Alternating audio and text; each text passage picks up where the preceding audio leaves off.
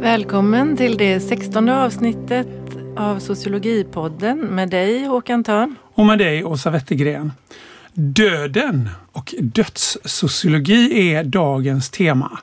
Och våra gäster är Annika Jonsson, docent i sociologi vid Karlstads universitet och aktuell med en eh, kommande bok som introducerar forskningsfältet, alltså forskningsfältet Döden då, för en svensk publik. Och den har då titeln, den boken, Fortsatta band om hur vi lever med våra döda. Och där har vi fått förtroendet att läsa eh, de tre första kapitlen. Och sen har vi också med oss Katrin Vasshede, docent i sociologi vid Göteborgs universitet, som också forskat om död och döende, bland annat under covid. Och nyligen publicerat en text som heter Inte längre vid liv men ännu inte död.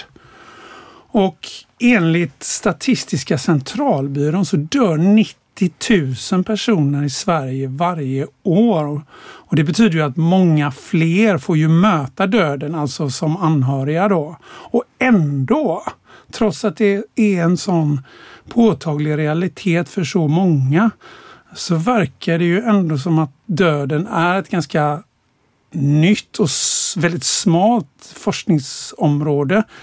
Det är väl konstigt Åsa? Ja, det är jättekonstigt faktiskt. Och det antas ofta att vi människor generellt sett inte tycker om att bli påminda om vår dödlighet. Det väcker obehag och så känns prat om döden inte relevant, för att inte säga tråkigt, för de som är mitt i livet så att säga. Och den här föreställningen förfäktades av bland annat kulturantropologen Ernst Becker och historikern Philippe Ariès. Men det finns väl ändå en ganska väl spridd bild, alltså långt utanför forskningen, om att döden är ett slags tabu i vår kultur, att vi gömmer undan den, att vi helst inte vill mm. prata om den. Den, den, den här tabuidén har ju då närts av bland annat den här tidigare samhällsvetenskapliga forskningen som jag nämnde. Och, eh, men alltså jag vill också påstå att ur ett idéhistoriskt perspektiv så kan man säga att döden rimmar rätt så illa med vår samtids övergripande tro på det eviga framsteget. Och de senaste 200 åren har ju västerlandet i alla fall präglats av en syn på och en erfarenhet av. Och det är viktigt att det är också en erfarenhet av framtiden som oändlig progression, linjär och fylld av vetenskapliga och teknologiska överraskningar. Det vill säga det eviga framsteget och det inbegriper även den personliga framtiden. Och även förväntningar på kanske att man inte inte kommer att behöva bli sjuk och inte kommer behöva dö i förlängningen. Så döden ses i det här sammanhanget som en kränkning mot individers självförverkligande projekt kan man säga. Ja, och så dyker det ganska ofta upp små notiser i tidningarna om, om att det finns någon typ av eh, forskning eller ny teknologi som ska kunna rädda, rädda oss från döden. Ja. Ja, visst, och det kommer då och då nyheter om olika miljardärer som roar sig med att, att lägga pengar på att finansiera forskning om odödlighet och typ tanka ner sin hjärna till en AI. Eller frysa ner sig själva och bli uppväckta om x antal år och sådär. Men den mest seriösa forskningen ägnar sig faktiskt åt att bekämpa åldrande och åldersrelaterade sjukdomar, för det är faktiskt det som vi dör av. Och mest känd är kanske David Sinclair, då, professor i genetik på Harvard Medical School, som hävdar att han och hans team har, då, har lyckats trigga en regenereringsfunktion i cellerna på möss så att de blir unga igen. Och poängen är då att åldrande inte är en oundviklig och irreversibel process utan kan manipuleras och backas. Och enligt Sinclair och hans kollegor då så är problemet att cellerna tappar information om hur de ska jobba med DNA när man blir äldre. De glömmer hur de ska jobba. Men det går att ändra och, och liksom, det går att och koppla på det här minnet igen och då kan cellerna liksom göra unga celler igen och kroppen blir ung igen. Och det spelar ingen roll om man är sjuk eller frisk i åldrandet om man lyckas komma på hur man ska göra det här hos människor då. Eh, men med det sagt så finns det också biologiska icke-åldrande och, och regenereringsfenomen, så att säga, eller djur som regenererar sig själva och som inte åldras. Till exempel då nakenråttan och sjögurkan. Så där fick vi lite naturvetenskaplig utläggning här i Sociologipodden. Exakt det är väl kanske inte det vi ska prata om idag Nej. dock, även om man har ju läser som sagt ständigt om detta i tidningarna då. Det är ju en del av det som forskas på då om odödlighet. Eh, men det är alltså ingen omöjlighet att vi i framtiden skulle kunna vara helt fria från dödliga sjukdomar och åldrande. Men olyckor och självmord kan vi ju såklart inte försäkra oss emot. Och hur som helst så finns det också de, som det menar att döden ger livet mening. Och frågan är då hur lyckliga skulle vi vara med evigt liv? Eh, det är också ganska obehagligt tycker jag att tänka sig att vissa resursstarka, självförhärligande och narcissistiska personer skulle kunna förlänga sitt liv och fortsätta terrorisera omgivningen. För nu finns ju i alla fall vissheten om att exempelvis en galen diktator också kommer att dö av ålder i alla fall någon gång.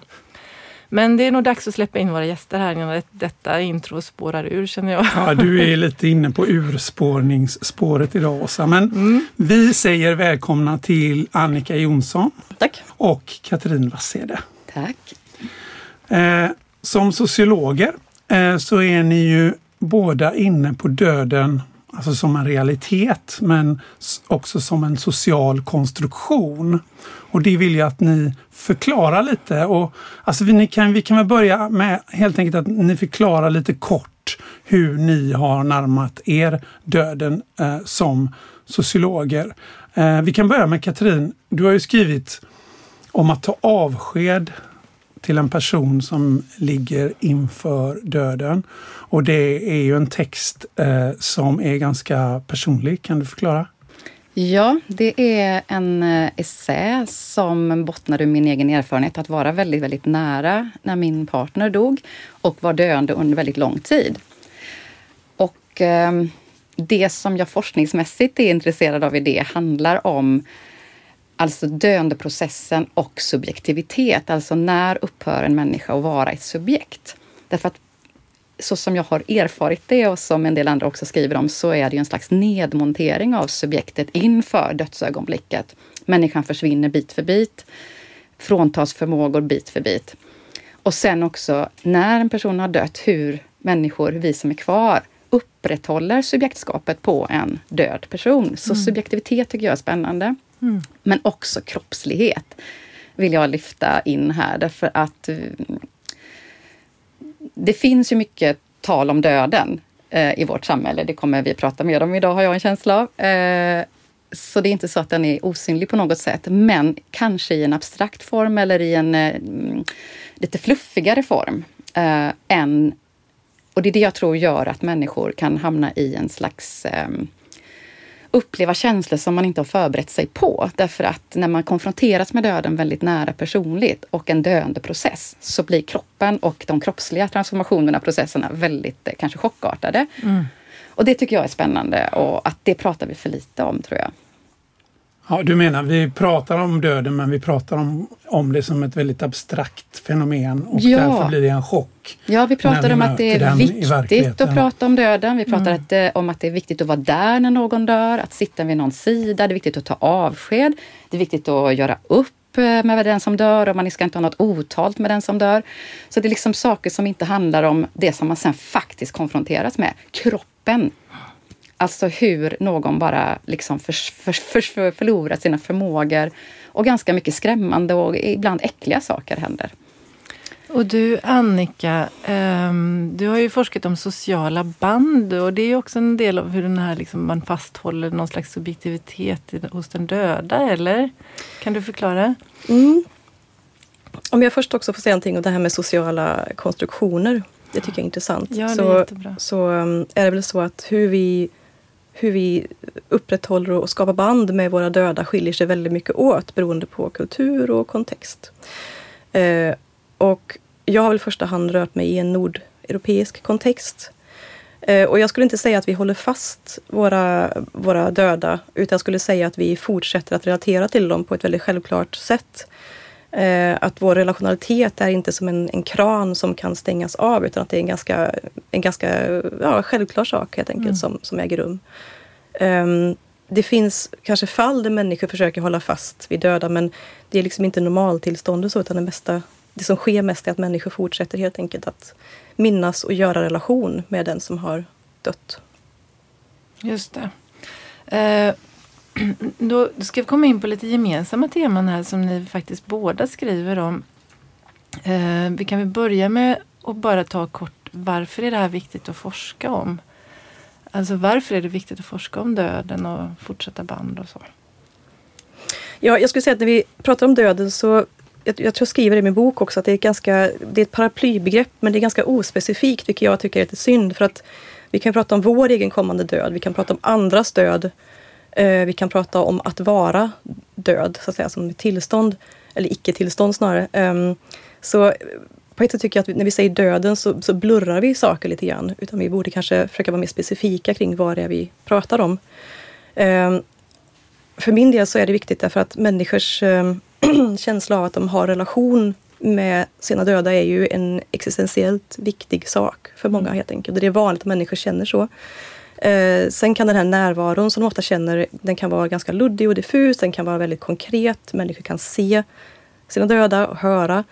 Eh, och det är viktigt för dem och därför tänker jag att det också är viktigt för oss som sociologer att, ja, att forska om det helt enkelt. Det är en slags relationer och det är ju alltid intressant för sociologer. Ja, mm. precis. Mm. Katrin, vill du lägga till något där? Ja, jag vill hänga på spåret där med det existentiella. Därför att när vi möter döden på ett konkret sätt så hamnar vi i någon slags existentiell situation som är väldigt eh, påtaglig och som kan väcka väldigt mycket hos en människa. Och som för de flesta människor väcker smärta. Och jag tror och vet att många känner sig ensamma i den, fast vi har så mycket prat om döden i samhället så är man ensam. Man vet inte vart man ska vända sig. Man vet inte vem man ska prata med. Och bara häromdagen så var det någon som sa, jag vet inte, det finns ingenstans att prata om döden. Och jag tror att det är en, är en upplevelse som många har. Mm. Och därför tycker jag det är viktigt också. Mm. Alltså trots allt vad vi har sagt här om eh, att vi inte gillar att prata om döden och, så, och sen så vet jag att ni vill ifrågasätta det också. Och det ska vi prata mer om. Men, men, men, men trots det vi har sagt så, så fick jag en känsla av att Alltså just nu verkar faktiskt döden ändå vara på tapeten. Alltså nyligen så utkom en bok som heter Dödens idéhistoria på svenska där alltså svenska eh, idéhistoriker då undersöker döden. Men kan, kan ni säga någonting mer, lite mer, utveckla lite mer vad det innebär just att forska om döden utifrån ett sociologiskt perspektiv? Ja, jag kan börja med att säga att vi har, vi har en, en dödsboom just nu i Norden. Um, det är intressant. Um, när jag började att forska om, om eh, fortsatta band för tio år sedan så var det ganska tyst. Ehm, och, och eh, en liten nordisk bubbla kan vi säga. Medan det försiggick massor med forskning i andra länder, inte minst i Storbritannien. Sedan 1990-talet så har det varit ett ganska stort område där och i, också i USA. Så att vi, har, vi ligger lite efter och nu har folk bara kommit på på bred front att det här är någonting vi kan forska om. Det har förstås funnits initiativ givetvis men nu, nu är det mer som en slags, ja, nu, nu blommar det helt enkelt. um, vilket är roligt. Um, så att um, det är intressant i sig varför, vi, ja, varför just nu och sådär. Kanske följer bara efter en forskningsfront som har funnits internationellt och som vi också nu är i kapp helt enkelt.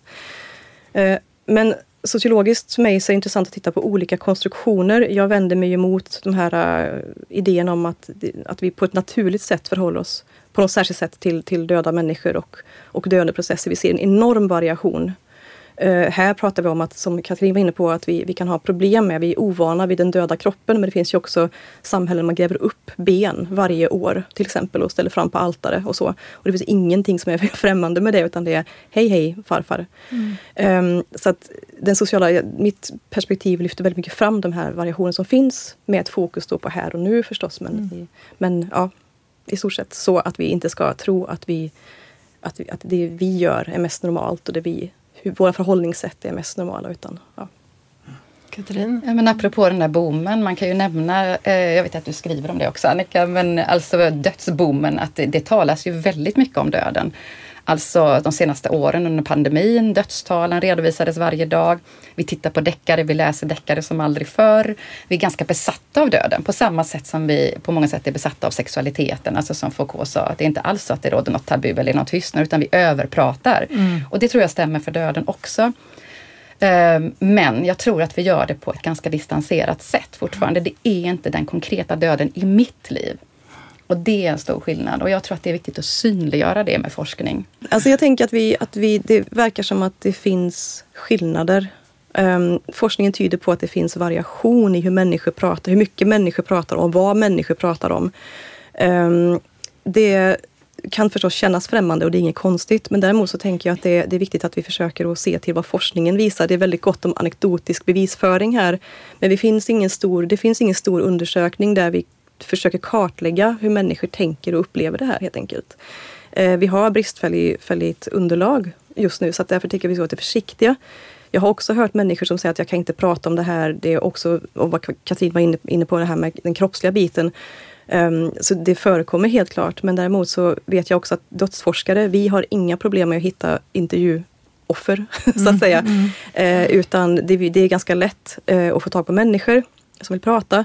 Eh, dödskaféer dödscaféer sprider sig runt om just nu. Vi kommer få några i Värmland, eller en, en i Värmland, där människor kommer och pratar. Det har funnits länge i många olika europeiska länder. Och sådär. Det, det, jag skulle säga att också vad jag har sett i min forskning, att det, det är väldigt stor skillnad eh, vissa jag har intervjuat säger att det har rått tystnad i deras, deras familj, det är en slags tradition. Um, andra säger att de pratar väldigt mycket om och att de döda ständigt finns, finns med helt enkelt. Så att jag, vi, måste, vi måste ha mer forskning på det här. Helt klart finns det tystnader, så är det. Och det kan vara oerhört destruktivt, verkligen. Uh, men vart finns de? I vilka relationer finns de? I vilka, i vilka typer av dödsfall?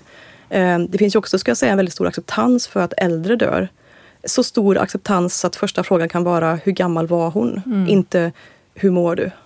Så, så att det där också varierar också väldigt, väldigt mycket på vilkens, vems stöd det är som blir, som blir objekt och konstig och vem, vem, vem, mm. vem stöd som liksom är normaliserad in nästan i, ja, på ett lite, lite vårdslöst sätt. Så att det finns mycket variation skulle jag säga och den tycker jag vi ska intressera oss mer för. Jag bara slänger in det, för jag kommer att tänka nu Annika på det här med sorgeprocesser och sorg. Alltså när du säger detta, vems död räknas som sörjbar handlar det om egentligen. Alltså har du varit, eh, förlorar du en farmor som är 80 plus så är det inte en stor sak då, räknas, då förväntas man inte sörja speciellt mycket. Medan om du förlorar någon som är mycket yngre. Mm. Så att apropå bara, det ska vi kanske inte fördjupa oss i idag, men det är ändå mm. eftersom vi båda två är intresserade Ålder av det. spelar stor roll. Ja, och ja. relation. Vilken Precis. relation du har till ja. den som har dött spelar ja, roll. Om du får lov att räknas som sörjande, hur länge du ska sörja, på vilka sätt du ska visa sorg och så vidare. Men eh, det kom, då kommer vi lite grann in på det här med temporalitet. Eh, det tycker jag är väldigt spännande. Du, du pratar ju om det Katrin också du pratar om sub, något som du kallar för subjektvikarien och dens roll när subjektet faller sönder. Vill du utveckla det lite? Ja, eh, det jag kommer in på där det handlar ju om att när människor är, ingår i en döende process, det vill säga inte när de då dör av plötsliga orsaker, utan man mm. befinner sig i en döende process. Det finns en utgång och det är att inom en viss tid ska den här personen avlida och dö.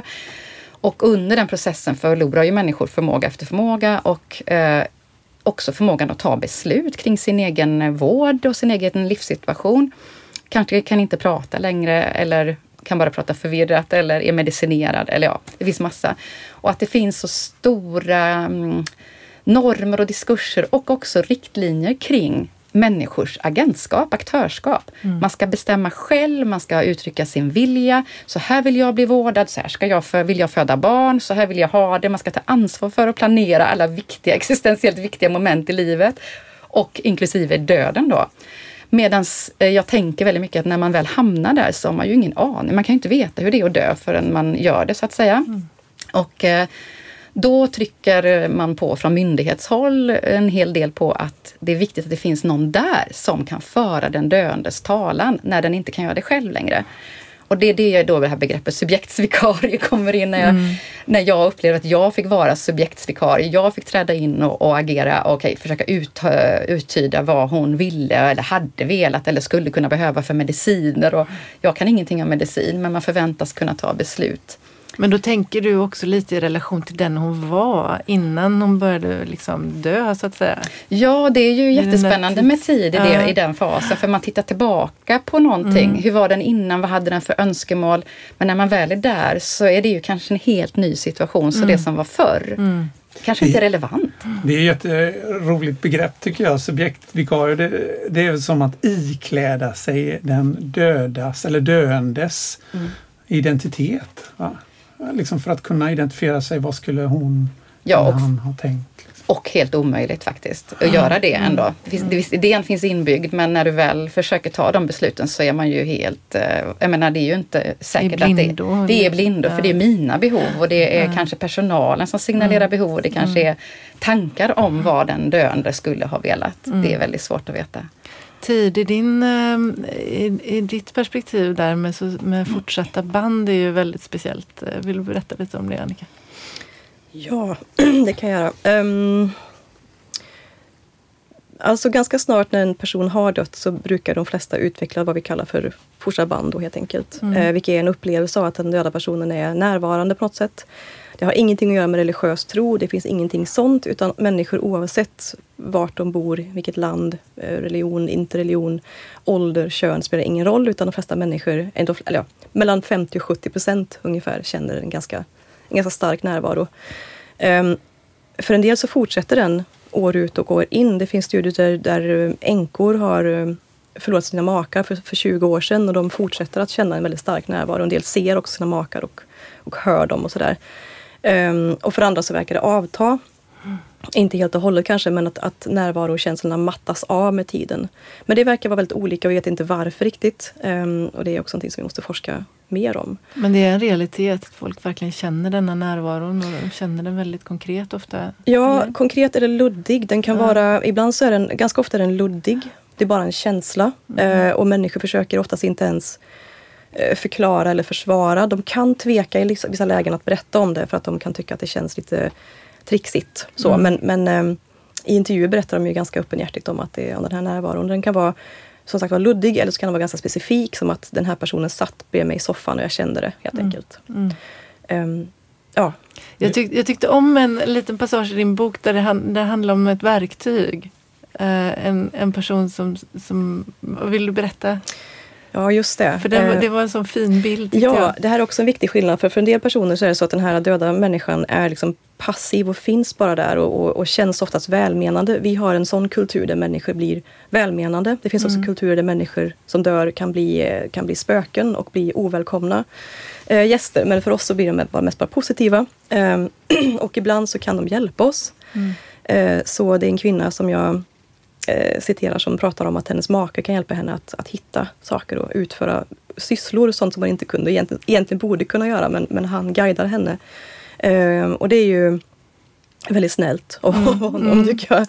Och det ja, Jag kommer ihåg att hon letade efter något, hon visste inte hur hon skulle lösa ett problem och plötsligt så höll hon bara i rätt verktyg. Och det upplevde hon som att det var han Ja, som hade ja. gripit in där. Så då har vi en mer aktiv, då kan vi säga att de döda får ett, ett socialt aktörskap eller tilldelas det på ett väldigt tydligt sätt. Och ibland så får de då inte det, men ibland så blir de Mm. ganska handkraftiga helt enkelt. Så. Jag tycker det är jättespännande hur hur du på många olika sätt ifrågasätter bilden av eh, våran bild av hur vi förhåller oss till döden. För det du berättar nu, du kopplar ju det också till alltså det som man i andra kulturer kallar för förfädernas andar. Alltså, i- Alltså i någon mening, vi tror ju inte att vi har en föreställning om förfädernas andar men, men det här kan man väl säga, det är egentligen det det handlar om. Skulle man inte kunna säga det?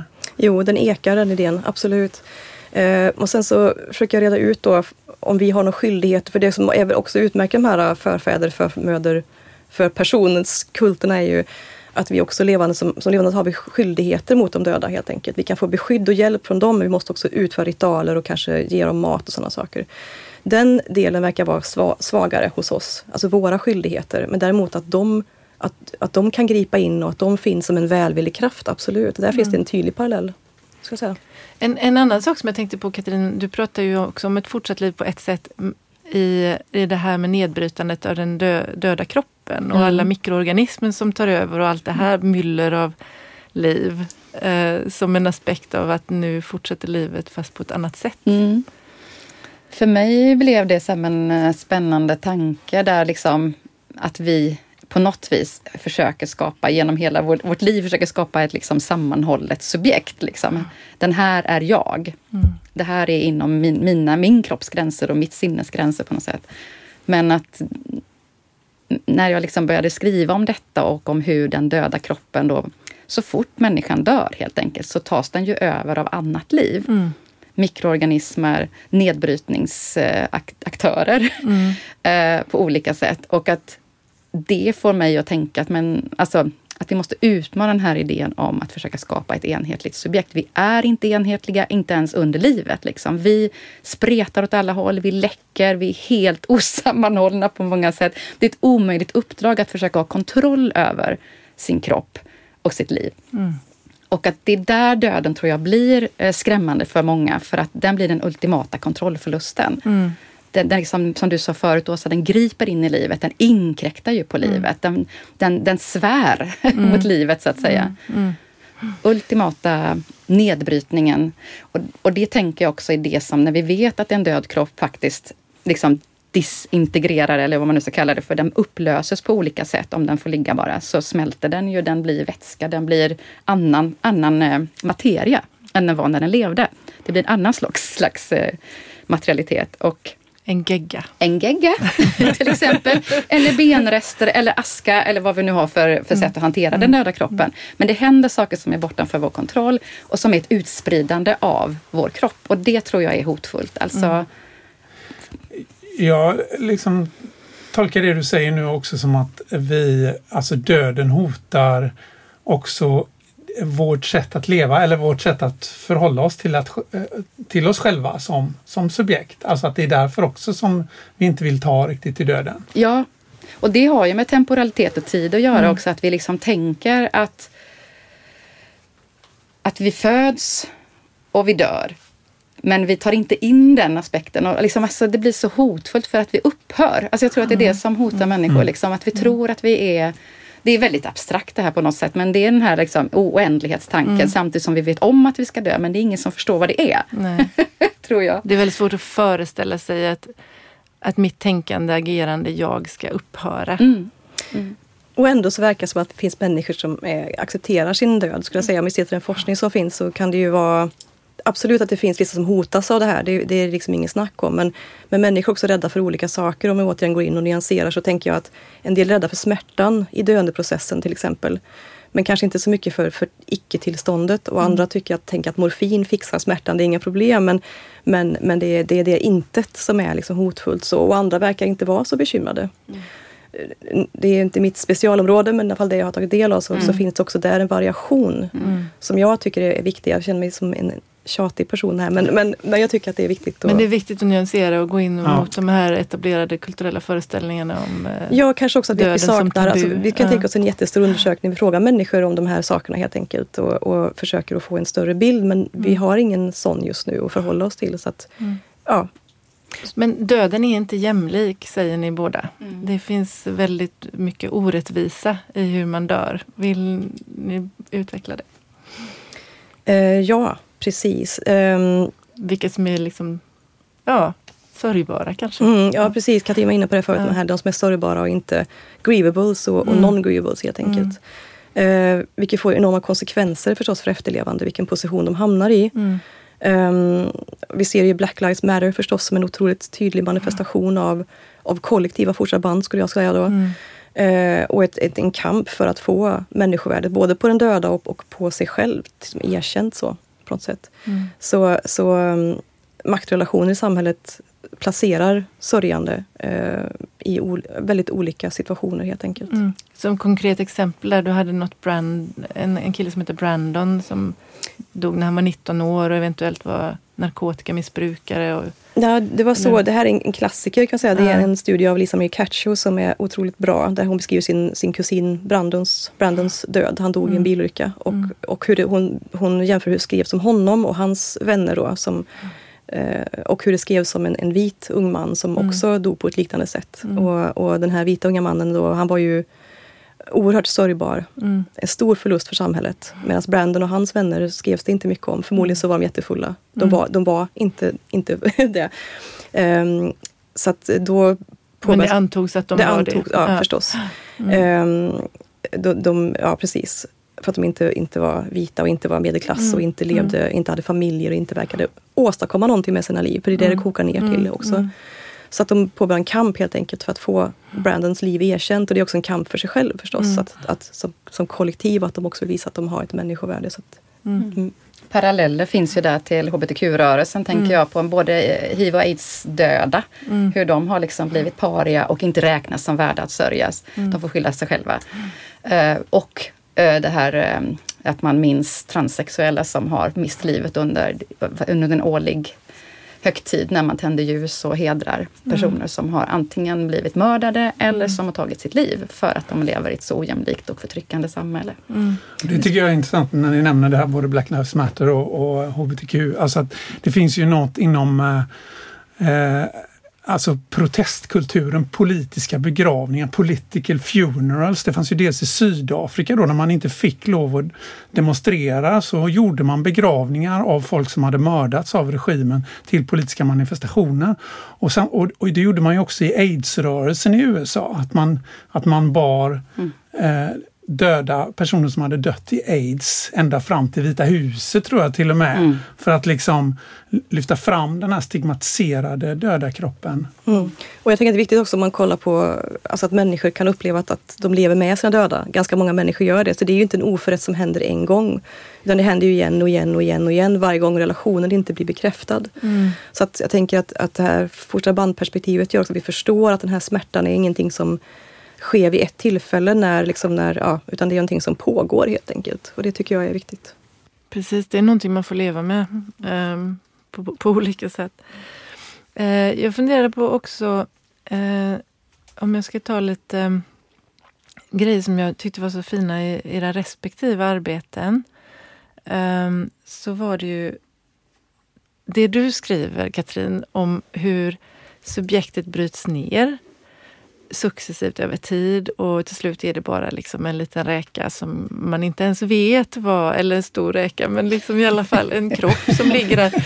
Och man vet inte ens om det finns något subjekt kvar där och så ändå så skriver du att subjektet i dödsögonblicket tar det här klivet och som en sista stor manifestation av subjektets egen vilja, så att säga, släpper taget om subjektet.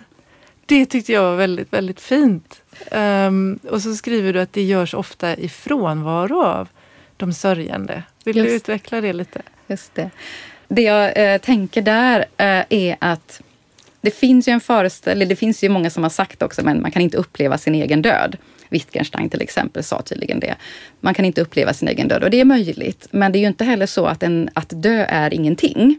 Som jag skriver, döden är inte en vägg. Och det tycker jag är viktigt. Utan döden är någonting och då är kanske det sista människan gör vid liv är just att släppa taget. Det kanske inte är sant, jag vet inte riktigt. Men det är en bild som jag tycker är spännande att leka med. Alltså att Det är en väldigt fin bild Ja, jag. och jag tror, alltså det finns ju, det här är också anekdotiskt då, men det finns ju många som säger, ja, min anhöriga dog inte förrän jag åkte hem och åt lunch. Eller jag åkte bara hem för att duscha. Efter tre dygns intensivt vakande så tog jag en paus och åkte hem och duscha. Då ringer de och säger att den personen har dött. Och det finns någonting i det här som har med sociala band att göra då, som jag spekulerar kring. De är så starka så att det är svårt att gå. Och då i den där frånvaron av den här nära personen, när den äntligen då åker och duschar eller lägger sig på soffan och sover några minuter, då passar man på att dö. Eh, och jag vet, inte, det är inte säkert det är så jättemedvetet, men det skulle kunna vara det. Alltså det är en aktiv handling. Jag släpper taget. Jag går in i den här transitionen från att ha varit en levande människa till att bli en död människa. Det där, är, alltså jag, det där har hänt mig. Det hände mig med min pappa. Att jag lämnade honom eh, och så Mm. gick han bort. Och då fick jag, när jag pratade med läkare och sköterskor och sådär, så fick jag också höra det att, att det här är inte ovanligt. Det kan vara en hel liksom, släkt som befinner sig i rummet och så går de bara ut och tar en fika och så lämnar den personen. Och jag har ju tänkt på det då, liksom så att ja, men han kanske ville skona mig från att vara med i dödsögonblicket. Sådär, liksom. Nej, Det är bara spekulationer. Men, Ja. men liksom, det är intressant att det är ett vanligt fenomen. Mm. Det är En- faktiskt det. En annan sak som jag tänkte på, som jag hoppade, studsade lite på när du läste din, eh, dina kapitel där Annika. Det var, eh, du, du lyfte det här med Facebook som en kyrkogård. Och det tyckte jag var så spännande. Alltså på, vad händer egentligen med de fortsatta banden och de dödas liksom förlängda existens när vi har en massa elektroniska spår numera på internetet? Är det som att de fortfarande lever? Ehm, ja, det finns mycket forskning på det. Fascinationen har varit oerhört stor för detta. Eh, och eh, Elaine Kesketh heter hon skriver ganska mycket om, om just eh, Facebook och, och hur det kommer bli som en nekropolis i, Mm. i framtiden och med fler döda än levande. Eh, vi får se om de stänger ner Facebook ja. innan dess. Eh, men ja, eh, digitala lämningar är, det är ett stort område helt enkelt. Och vissa människor eh, förhåller sig till det som en virtuell kyrkogård som de besöker och får skriva några ord och kanske ja, titta på foton och minnas och använder det som, som många använder fysiska kyrkogårdar. Mm. Och för andra så är det inte alls så. Utan det, det, är liksom, det, är, ja, det, det har inte samma laddning utan de, de vill hellre besöka en fysisk plats eller kanske ha ett, en plats i hemmet snarare. De ställer kanske ljus och, och, och foton och sådana saker. Så att folk gör ju på olika sätt men det är Mm. definitivt en resurs för många människor. Och det. det finns även de som, som så att säga, offentliga, sin, offentliggör sin döendeprocess via sociala Ja, absolut, medier. Mm. absolut. Dödsbloggare är ganska... Christian Gidlund var ju en av de kändaste. Mm. Eh, dödsbloggande har blivit ganska, ganska vanligt. Men återigen så Mm. vet vi inte Mm. riktigt. Men, eh, men absolut, som, Mm. som eh, vill berätta om hur det är helt enkelt. Mm. Vad som händer. Till, till den här frågan då om, om, död, om döden är osynlig eller inte så att säga. Mm. Så finns ju det här som vi liksom på, bara touchat vid lite men, men liksom döden i populärkulturen. Alltså Mm. det där är det, råder ju ingen tvekan om att det är en fullkomlig besatthet av döden. Och jag menar en, en ung person, eh, ja vi alla i och för sig, men särskilt unga personer får ju se döda kroppar i en mängd som saknar motsvarighet liksom i tidigare generationer. Hur ska vi förstå detta? Det skulle jag gärna vilja höra nu. Alltså är det, är det en kompensation eller är det liksom, ja hur ska vi förstå det? Jag bara kasta in här, alltså den här eh, danska socialpsykologen Vid Jakobsen kallar det ju för att vi lever i en spektakulär dödstid. Döden har blivit något spektakel. Och det är ju det du pratar om här, för de döda kropparna man får se i populärkulturen är ju inte de långsamt borttynande eh, kropparna som försvinner, utan det är ju våld och eh, mord. Liksom. Men jag tänker, du har säkert något bra att säga Annika där. Det vet, du, det vet jag faktiskt inte. Nu, nu slänger jag mig under bussen här. Nej, jag vet inte riktigt. Det är inte... Det är inte mm, nej, ja, men absolut att det har skett någonting. Och det är egentligen... um, det finns en person som heter Gore som skrev redan på 60-talet om, om detta. Att det, att det var mycket mord i, i, eh, i kulturen helt enkelt. Eh, Och det har ju tolkats som att det är en kompensation precis. Men faktum är att också, människor läser ju också, alltså vi, överallt läser ju mycket om den här typen av historier. Också människor som True crime. Ja, finns ju också i länder där folk möter, möter döda oftare. Så att jag är, ja, det är svårt tolkat tycker jag. Jag vet inte riktigt. Jag tänker att det kan finnas en, en bearbetande aspekt i det. Jag tänker, det är ju många av oss som har ägnat många timmar av våra liv åt att läsa dödsannonser. Så då när vi hade papperstidningar. Att leva oss in i det ödet. Att åh, titta, åh gud, han var bara 26 år och stackars dem. Och så håller man på med bilder och så. Jag tror att det finns ett bearbetande inslag helt klart i vår upptagenhet av döden. Mm. Det tror, jag tror också det kan göra. Men om vi, om vi går till, ni nämnde Aris här i början och jag tänker att det tror jag också att det kan göra, absolut. Men sen tänker jag också att det finns, vi har en tendens att tolka allting i väldigt symboliska termer. Aris till exempel var inne på idén att vi flyttade ut kyrkogårdar ur städer under 1900-talet därför att människor inte kunde hantera döden. Vi kunde inte se kors och gravar och sånt. Eh, men, men landskapsarkitekter och sånt, andra människor har ju påpekat att vi behövde ha större områden helt enkelt och finare områden så att de anläggs, de här nya kyrkorna anlags, anlades ju oftast på kullar och i fina områden där människor kunde njuta av lite kuperad terräng, kanske en vattendrag och sådär. Eh, och att de visste att, att urbaniseringen skulle fortsätta så de behövde ha områden helt enkelt som kunde växa. Alltså ganska estetiska och praktiska dimensioner som Aris inte alls såg helt enkelt. För han var helt besatt av att hitta den här symboliska dimensionerna hela tiden. Så att, det tycker jag också är viktigt att hålla i åtanke att det kan finnas liksom helt, helt andra aspekter av varför vi Mm. gör som vi gör helt enkelt. Ett annat begrepp som du eh, pratar om, det var frånärvaro. Men du sa också ett annat ord där som jag inte kommer ihåg nu. För alltid frånvaro. Eller? Ja. Ja, för alltid frånvaro, precis. Mm. För att fortsatta band är ju ingenting helt unikt. Vi har ju band med människor som vi inte har, alltså vänner som vi har förlorat. Eh, ex-partners, alltså vi, det är ju människor som lever som vi också odlar band med som består av minnen och, och känslor och fantasier och allt möjligt. Så att för alltid frånvaro är ju en frånvaro där vi helt enkelt fysiskt aldrig kommer träffas igen. Mm. Så att vi kan tänka att det är ett kontinuum helt enkelt där första band är i en ända liksom, och sen så har vi massa andra relationer som också vi lever på samma sätt eh, längs med där. Och frånvaro, jo, De flesta som upplever sina döda som närvarande känner också att de är frånvarande på mängd olika sätt och påminns på olika sätt om det är skor som inte används, kläder som hänger kanske i garderoben, en, en ring som ligger någonstans. Så att vi, det är en dubbel erfarenhet på det sättet hela tiden. Jag, jag skulle vilja fråga hur ni ser på det här med dödens individualisering. Det är ju till och med så att sociologer som vill så att säga bevisa att vårt samhälle generellt är individualiserat brukar hänvisa till dödsannonserna. För att bara för några decennier sedan så såg alla likadana ut, alltså i termer av vilken symbol det var. Det var ett kors. Liksom. Otroligt få undantag. Öppnar man tidningen idag och tittar, det är liksom det är ju en myriad av olika symboler. Eh, Så vad säger ni? Eh, Alltså jag tycker ändå i och för sig, jag ställer frågan eftersom i era texter så finns det också gott om exempel på hur individen, eh, eller förlåt, hur döden i allra högsta grad är en, en, en kollektiv angelägenhet. I det lilla så att säga. Mm, den får du ta då, Katrin. Ja, gud vad svårt. Eh, nej, men du har ju helt rätt i att dödsannonser och även begravningar blir mer och mer individualiserade, så personfärgade. Eh, med uttryck, ritualer, symboler, inslag som man gör. Så att det, det ligger i linje med det, absolut. Man, man kan inte vara en i mängden längre, ens när man är död. Eh, och, och, ja, och det hänger ju ihop, jag tänker på, nu spårar jag lite, men i alla fall eh, begravningar som jag skriver lite om i den här texten också som ett sätt att Alltså det är ett unikt starkt tillfälle för just det som Annika forskar om också, fortsatta band, där alla samlas och kollektivt återskapar personen för en timme eller två eller tre, hur länge nu sessionen pågår. Och tillsammans pusslar ihop den personen så att den blir nästan levande i rummet igen. Det tycker jag är spännande. Och det är ju otroligt individualiserat, men också kollektivt. Och jag tänker överhuvudtaget att hela den här individualiseringstanken är förrädisk. Alltså, vi är så otroligt kollektiva fortfarande som människovarelser. Mm. Jag, jag frågar också för att min erfarenhet, alltså ju längre man lever desto fler begravningar eh, får man ju gå på.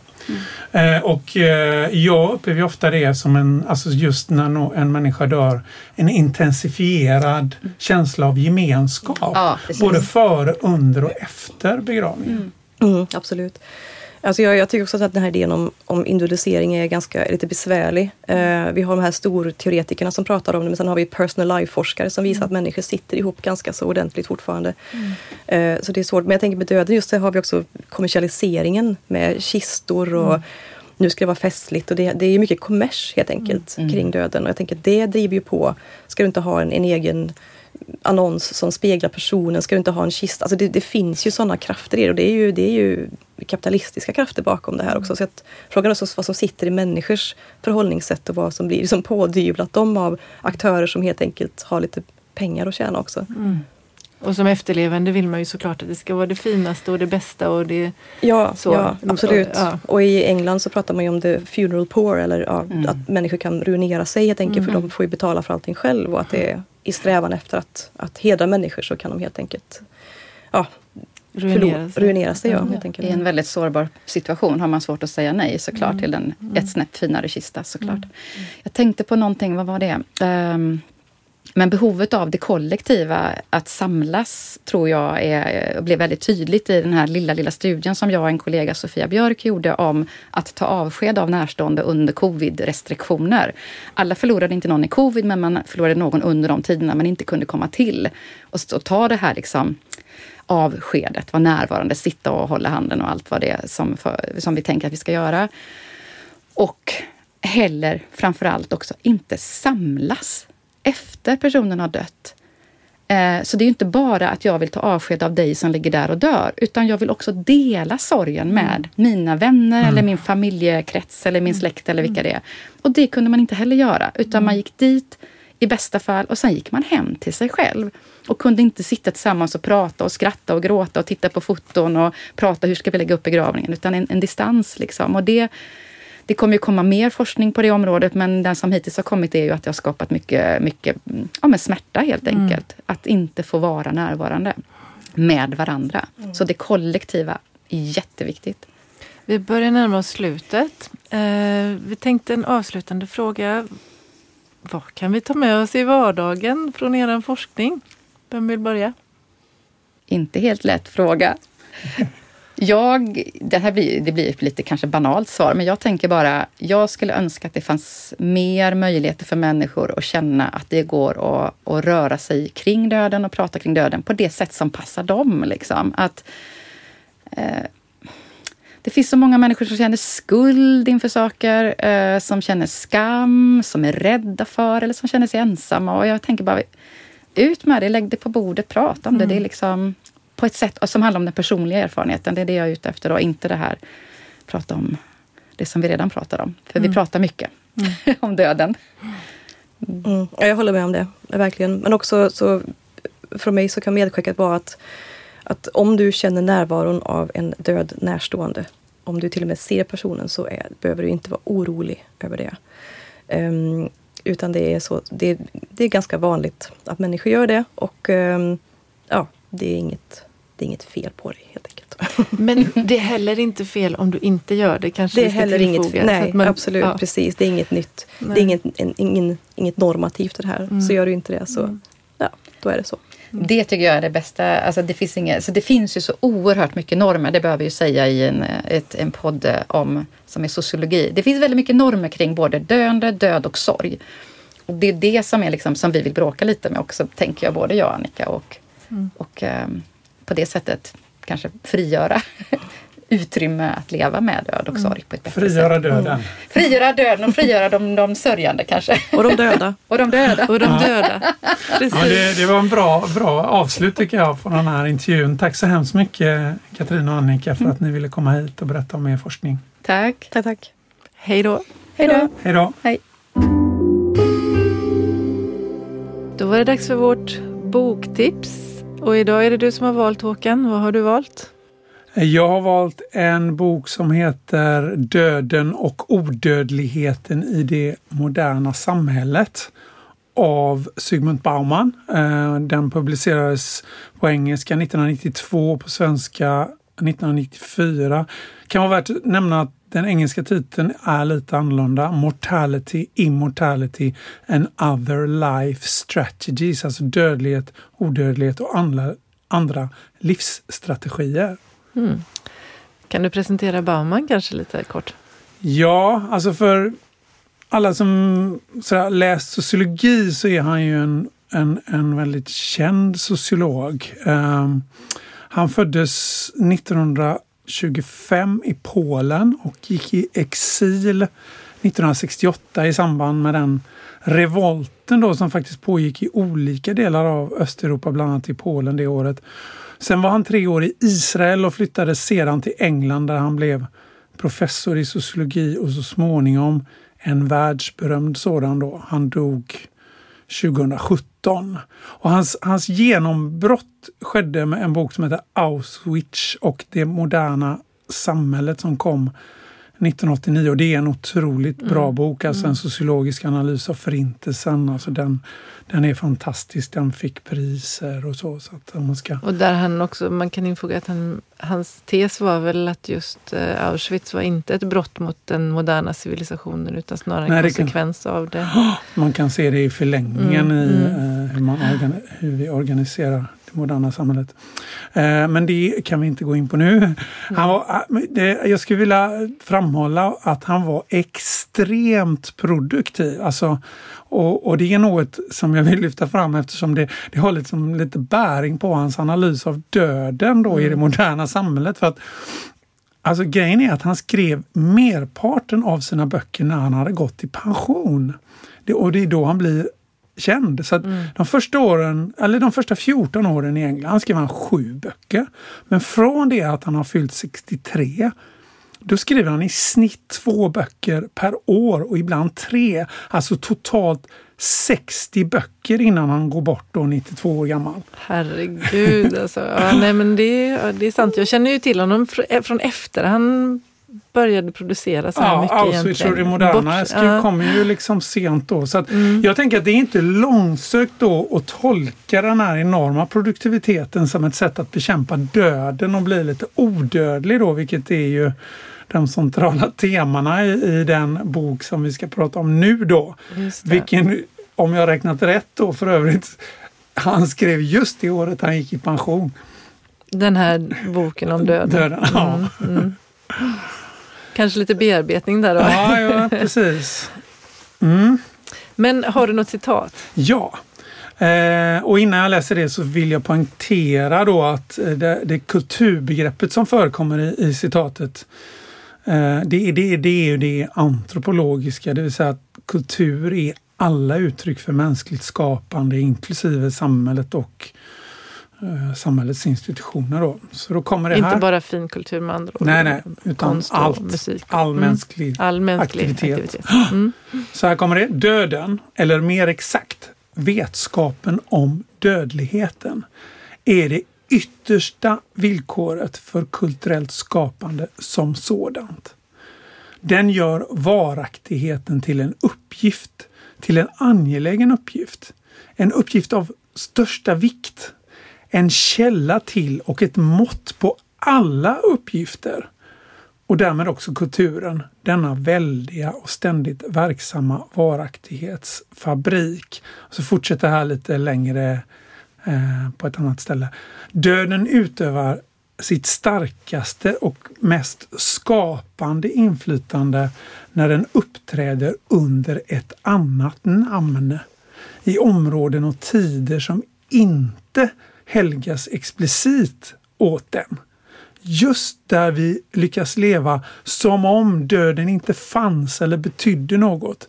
När vi inte har döden i åtanke och inte skräms eller plågas av tankarna på livets grundläggande fåfänglighet. Och jag ska säga att det är då översättning av Sven-Erik Torhäll. Mm. Alltså, det låter lite som sublimering av, av döden, Mm. så att säga. Dödsångest eller dödsrädsla. Absolut, det, det är ju en slags, han säger det också att han, det han gör är att han, eh, han gör en slags psykoanalys på samhället. Mm, mm. Men vad är det sociologiska då egentligen med Ja, Baumans ja och det är väl det som kommer fram i det andra citatet då. Alltså att han menar att hans bidrag är att uppmärksamma döden på ett annat sätt än de som tidigare har skrivit dödens historia. Och där nämner han bland annat Ariest då, som vi har pratat Mm, om mm. tidigare som är den stora auktoriteten kan man säga. Och, Philippe Ariès. Ja, precis. Eh, och, och, men det Bauman eh, menar att han gör då det är liksom att undersöka hur döden är närvarande i samhällets institutioner, ritualer och trosföreställningar. Och, och, och då menar han liksom att hur den är närvarande på ett osynligt sätt. och det är här det mm. kommer liksom här att det, det är det kollektivt omedvetna det. han vill få fatt på. Då.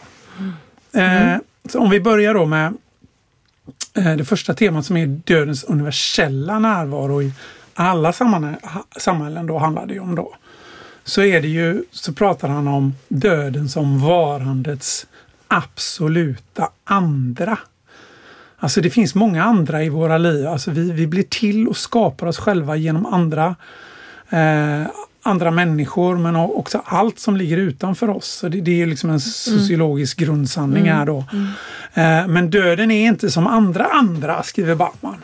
Eh, döden är det absoluta andra som det absoluta intet. Alltså ett, han skriver ett ofattbart annat som svävar bortom all kommunikation. Döden kan inte förnimmas. Den kan inte åskådliggöras, inte representeras. Döden saknar mening, säger han. Så, och, och, och, och han pratar också då i anslutning till det här, liksom att när det gäller kunskapen eller vetskapen om döden, att när vi en gång fått veta att vi är dödliga så är det omöjligt att icke veta detta. Och det är rent av så att det är omöjligt att låta bli att någonstans tänka på döden. Eh, Den kan omöjligt glömmas menar han. Får jag skjuta in här att jag Ja, tänker absolut. att det, apropå den här diskussionen vi hade om liksom döden som finns med överallt i vårt samhälle nu i populärkultur och att vi pratar så mycket om döden generellt så att säga. Ja. Så tänker jag att det han menar här kanske är snarare det här att döden som insikt när en närstående dör, alltså den specifika döden blir en sån chockartad, liksom, jag kan inte glömma. För annars så skulle vi ju liksom inte kunna glömma döden när vi tittar så mycket på Nej. död, eller hur?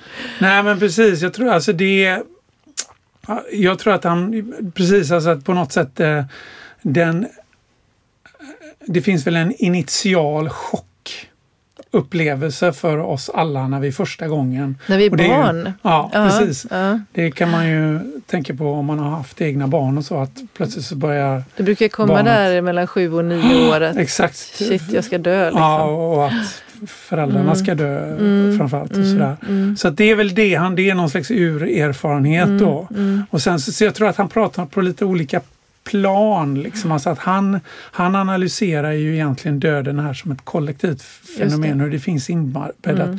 i samhällets institutioner och därmed Mm. så är vi inte, och inte alltid liksom medvetna om hur döden är närvarande i våra vardagspraktiker, det. så kan man säga. Det det. Men det blir, ska bli lite mer eh, konkret alldeles strax hoppas jag. Ehm, Även om sagt- vi glömmer döden då så är det det vi försöker... Ja, precis. Alltså, eller, alltså han säger då som liksom på ett sätt, den kan omöjligt glömmas. Men vi försöker göra det. Exakt, det är det vi försöker göra Mm. i stora delar av vårt vakna liv medan och vad samhällen försöker göra. Men, säger Bauman, och det enda vi kan göra är att undertrycka den. Och här kommer vi tillbaka till eh, citatet ovan då. Alltså att, att detta är den mänskliga kulturens, alltså det är vad den ytterst bottnar i. Mm. Och här jämför han med vårt luktsinne faktiskt. Han säger så här att en doft kan aldrig utplånas. Bara inte kännas genom att tryckas ner av andra ännu starkare dofter. Mm. Mm. Ja, det är en ganska intressant liknelse. Liksom, för att det, jag menar, det är på detta sätt vi så att säga glömmer inom citationstecken den ständigt närvarande döden i vår vardag. Eh, Genom att vara upptagna av en massa Ja, att lägga, lägga massa lager ja. ovanpå som, så, att vi kan liksom glömma den på det sättet. Med det här sagt så pekar han ut specifikt två kulturverksamheter som på olika sätt undertrycker döden. Då. Den första har med överlevnad att göra. Alltså. Eh, som handlar om, om, om olika sätt att försöka förlänga livet. Alltså att förskjuta Mm. själva död, dödsögonblicket. Men också att göra döden till en sak av vikt, att, att liksom, så att säga höja döden högt ovanför vardagen. Alltså så att eh, för, för att särskilja den från, från det vardagliga då. Eh, alltså motsatsen till, till det är ju sådana situationer där döden blir en del av vardagen genom fattigdom, att människor dör hela tiden. Eller krig. Eller som i krig, Ja. exakt. Eh, och då blir det ju svårt, för att inte säga omöjligt, att undertrycka döden. Så att det, här, så att det är lite paradoxalt språkligt. Där, liksom man undertrycker den också genom att upphöja den till något som svävar. Men, men för jag, tänker, jag tänker det här är intressant därför att det handlar ju också om det här som Katrin var inne på med att, att vi föreställer oss döden som någonting idealiserat och vackert i vårt samhälle där vi ändå har ganska privilegierat förhållningssätt till döden så tillvida att vi behöver inte dö av fattigdom och krig. Men när man väl möter döden så möter man den som ganska skitig och kroppslig och, och lite äcklig. Mm. Ja, men det, det är intressant för att han, han refererar faktiskt till eh, den franske existentialistiska filosofen Camus där att döden ska ges en sorts renhet. Alltså Mm. det är en del av Mm. det här liksom. Mm. Vad ska man säga? eh, Att sk- skilja ut döden från dödens verklighet. Liksom. Det Bilden av döden. Liksom. materiella, köttiga. Ja, liksom. ja. Mm. Eh, ja, och så för det andra då så finns det kulturverksamheter som har med skapandet av odödlighet att göra. Och här, här handlar det då om att överleva döden, antingen om att skapa bestående verk som du var inne på Mm, då, mm. som ö- transcenderar eller som överlever den själv. Eller helt enkelt bli ihågkommen av sina nära och kära. Att odla sina fortsatta band skulle man kunna Ja, säga, med, man säga. med Annikas forskning där. Mm. Exakt. Eh, så, så syftet med Baumans bok då, det är att blottlägga eh, hur det här kulturarbetet då undertrycker döden. Genom att antingen försöka uppskjuta döden eller skapa odödlighet. Mm. Eh, och eh, då kommer vi till Baumans, då lämnar vi det här mer existentiellt universell, Mm. universaliserande eh, eh, tänkandet om alltså att döden som ett mänskligt faktum i alla kulturer. Och så kommer vi in på Baumans analys hur, eh, av hur döden undertrycks i det moderna Mm. Eh, samhället. Då. Jag tänker ändå att man kanske måste stanna upp lite där för att säga något om vad Bauman menar med modernitet. För att Mm. Det är bra. Eh, modernitet menar han då ytterst handlar om, alltså det är ett samhälle som är väldigt inriktat på behärskning, kontroll och det betyder en utbredning av en, en speciell, specifik typ av rationalitet, en instrumentell rationalitet eller målrationalitet. Det vill säga att vi gör allt i livet, alltså all, att allt vi gör i livet blir medel för att uppnå olika slags mål. Vilket också då är en vilja att kontro kontrollera. Mm. Det enklaste sättet att förklara det här, konkretisera det här tror jag är liksom att säga och det är också något som, som Bauman betonar, att allting blir till projekt. Mm. Våra jag blir projekt, kärlek blir ett projekt. Vilket också innebär att vi försöker skapa maximal kontroll över våra jag, över kärleken. Och framförallt då menar döden, kontrollera döden. Döden blir ett projekt i det moderna. Och det är det, alltså det, är det projektet som präglar det moderna samhället mer än någonting annat. då. Och det här är kopplat till att det blir alltså att det blir läkarnas och läkarvetenskapen som sätts att råda över frågor om liv och död då medan prästen och religionen får träda tillbaka.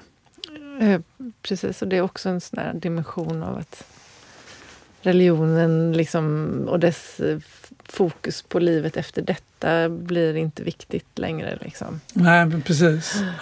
Sen kan man väl säga som en parentes, jag tycker vi är inne och snuddar på det hela tiden, att alltså Bauman tillhör ju de så här, modernitetsteoretiker som tenderar på något sätt att inte vilja diskutera hur religionen fort, Fortlever. fortlever och Mm, fortsätter ha mm, betydelse. mm. Liksom så, här. Så, att, så han har liksom inte mycket att säga om det då. Eh, men, säger han, eh, döden framstår nu då i det moderna samhället inte längre som en som naturlig eller som ett existentiellt faktum utan det har all, döden har alltid en orsak. Och om den har en orsak då kan den ju åtgärdas. Eh, och när man ser eh, om man ser det på det här sättet så blir döden alltid ett misslyckande. För den kunde ha uppskjutits om de rätta åtgärderna bara vidtagits.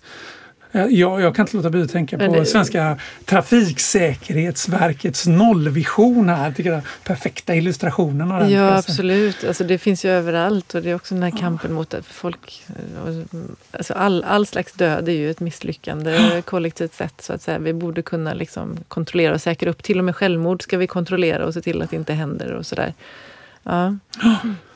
Eh, så att så, så, så jag menar, självklart är det ju ingen i det moderna samhället som förnekar att vi är dödliga va varelser. Men, men i det moderna så separerar vi det här existentiella faktumet då från de specifika dödsfallen Mm. som alltid kunde ha undvikits eller uppskjutits. Så, alltså vi har ju pratat eh, i en tidigare podd om läkarnas eh, arbetsvillkor, pratar ju du om. Och, och hur de också ser det här dödsfallet som ett personligt misslyckande. Ja, eh, precis. Mm. Och inte bara läkarna då eh, upplever detta med misslyckandet utan allt eftersom den här hälsohetsen breder ut sig i samhället då. Så, så, så, så är ju döden ett potentiellt misslyckande för varje enskild människa. Han- Ja, får jag cancer så är det mitt eget fel för jag Ja. har levt dåligt. Och Ja, precis. Så, han, så han. Mm. så, så därför blir döden i det moderna samhället en slags fängelsevakt, skriver Bauman. Mm. Eh, hans, Som hindrar en från att leva egentligen. Ja, alltså döden betraktar oss och ska själv också betraktas hela tiden när vi arbetar, när vi äter, när vi älskar, när vi vilar. Och genom sina många ombud så har döden ständigt uppsikt över allt detta. Och så han skriver liksom att bekämpa döden kan ju förbli meningslöst, men att bekämpa orsakerna till döden blir död, blir, blir livets mening. Mm, mm. Alltså, sjukdomen kan besegras och det mm. sporrar oss till handling. Och våra livsprojekt då blir att leva på ett sätt som, som uppskjuter döden. Och nu, nu kan ju det liksom framstå som en motsägelse då. Och det var ju precis det här vi var inne på i samtalet med Katrin och Annika. Är döden Eh, är vi besatta av döden eller tränger vi undan den? Men jag skulle säga att, liksom att Bauman menar ju ändå liksom att den här, allt det där med hälsohetsen och bara mm. att det ändå på något sätt att vi inte är riktigt medvetna om att det hela mm. tiden är mm. döden. Vi bekämpar liksom att det är döden som, som det kan ju vara oss. både och, tänker jag. Det kan ju vara både och det här att vi liksom, det, det är också det vi har varit inne på någonstans, att döden är närvarande hela tiden men den är samtidigt också någonting som vi skjuter framför oss, eller skjuter undan eller trycker ner ja. eller inte vill hantera. Och framförallt inte den egna döden då. Det här liksom kriget mot dödligheten då, det, det, det för också med sig, menar Bauman, en slags medikalisering av hela samhället. Alltså, mm. eh, vi kan ju tänka på det, liksom att när vi ska säga att det är något grundläggande fel med samhället så säger vi att samhället är ju helt sjukt. Mm, mm. Fast där tänker jag lite grann att den där föreställningen om samhället som organism är ju kanske inte den är kanske till och med för modern. Alltså... Jo, men det, alltså, det hände ju någonting på 1800-talet alltså, eh, med mm. den sekulariserade världsbilden och mm. den medicinska vetenskapen. Tidigare mm. var ju inte Eh, alltså var inte alls förankrad i den vet, en vetenskap medicinsk världsbild på samma sätt. Nej, det kom det ju på 1800-talet. Mm. Liksom. Eh, och då, framförallt då med början på 1800-talet, skriver Bauman, så börjar ju sociala problem då att medikaliseras. Att, liksom alltså att definitionen av en fattig person då blir en person som inte sköter sin hälsa, är mm. överviktig, röker, Eh, och därmed blir då just fattigdomen också en, en, en, fråga om ett personligt ansvar. Utan att ta hänsyn till att det här faktiskt handlar om tillgång till resurser? Och ja, ja nej, men alltså Bauman säger ju att alltså Bauman diskuterar att detta är en samhällelig ideologi. Mm, liksom. Detta mm, är den härskande ideologin liksom, mm. som vill lägga ansvaret för fattigdomen på de fattiga själva. Mm, mm. Eh, när det i själva verket är liksom en fråga om strukturella om, Fördelningen av eh, resurser. resurser är... men, men just det att man lägger det ansvaret också på individerna med hänvisning just till det här medicinska mm, mm. eh, perspektivet. Liksom att det handlar om att människor som inte kan eh, sköta om sin, sin hälsa och, och, och sin kropp. Och det blir ännu tydligare så här början på 1900-talet då när Alltså det här begreppet degeneration var, var på modet. Eh, ledde ju till Auschwitz bland annat. Eh, alltså de degenererade var ju då enligt det här dominerande synsättet de icke livsdugliga därför att de förmådde inte ta kontroll över sina egna liv. De kunde inte göra livet i det här projektet då. Eh, och det här synsättet ledde ju bland annat till steriliseringskampanjerna. Mm. Det hade vi ju i Sverige också att man steriliserade människor som man inte ansåg vara värda att reproducera sig för att de inte just kunde uh, liksom ha den här kontrollen över sin, liksom sina egna liv. Um, men jag tänker det också kopplas till, det kan ju också kopplas till nationen då. Alltså vilka är det som ska föra nationen vidare? Vilka är den kollektiva viet som ska liksom leva i... Det var, som du var inne på förut också att det gäller ju då inte alla utan det gäller de här liksom ja, men det är ju dugliga, eh, hälsosamma eh, personer som gör någonting riktigt och rätt med sitt liv så att säga. Mm. Nej men alltså absolut, den här typen, alltså health, public health hade mm. ju liksom betydelsen av liksom nationells, nationens hälsa. Mm. Och även eh, rasismen eh, präglades ju av den här medikaliseringen då. Vi pratar fortfarande tidigt 1900-tal här då, och det, det kan vi fortfarande göra. Men den, den rasifierade grupperna utpekades som en patologisk form av mänsklighet då. Mm. Vilket ju som sagt ledde till gas. Eh, kamrarna. Och här är ju Bauman ganska drastisk då, jag citerar igen. Allt för ofta förvandlas den djärva drömmen om att avliva döden till vanan att avliva människor. Ja, det är också en intressant paradox i sammanhanget. Mm. Mm. Eh, men Bauman menar ju då också att eftersom uppskjutandet av döden är så att säga livets mål och mening i det moderna samhället så blir också ojämlikheten som tydligast här och det har vi också pratat om mm, idag. Mm. Och Bauman då diskuterar det här han börjar med att diskutera det i relation till den här avgrundsdjupa skillnaden mellan den vård fattiga och rika får i USA då. Men så går han vidare och pekar på, på att även i de länder där offentlig sjukvård eh, dominerar eh, så kan de rika alltid köpa sig bättre vård och det mm. gäller särskilt den här avancerade livsuppehållande specialistvården då som kan förlänga livet. Mm. Sant.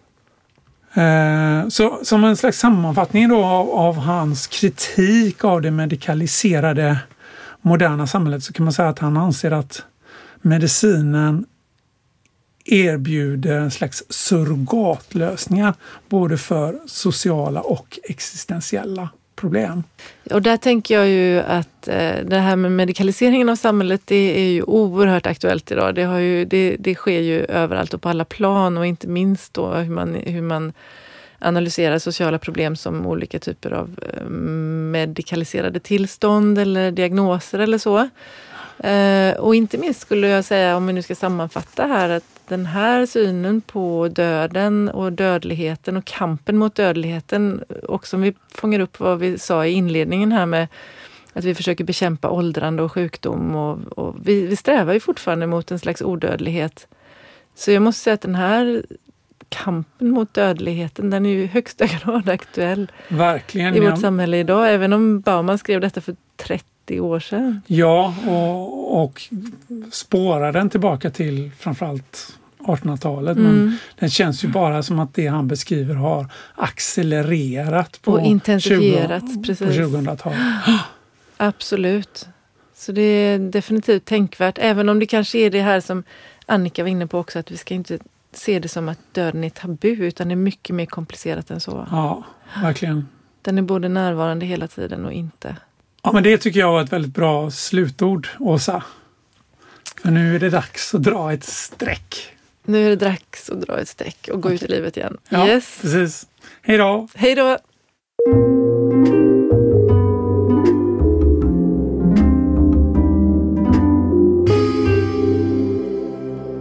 Den här podden finansieras med stöd av Adolf Bratts föreläsningsfond och av Institutionen för sociologi och arbetsvetenskap vid Göteborgs universitet.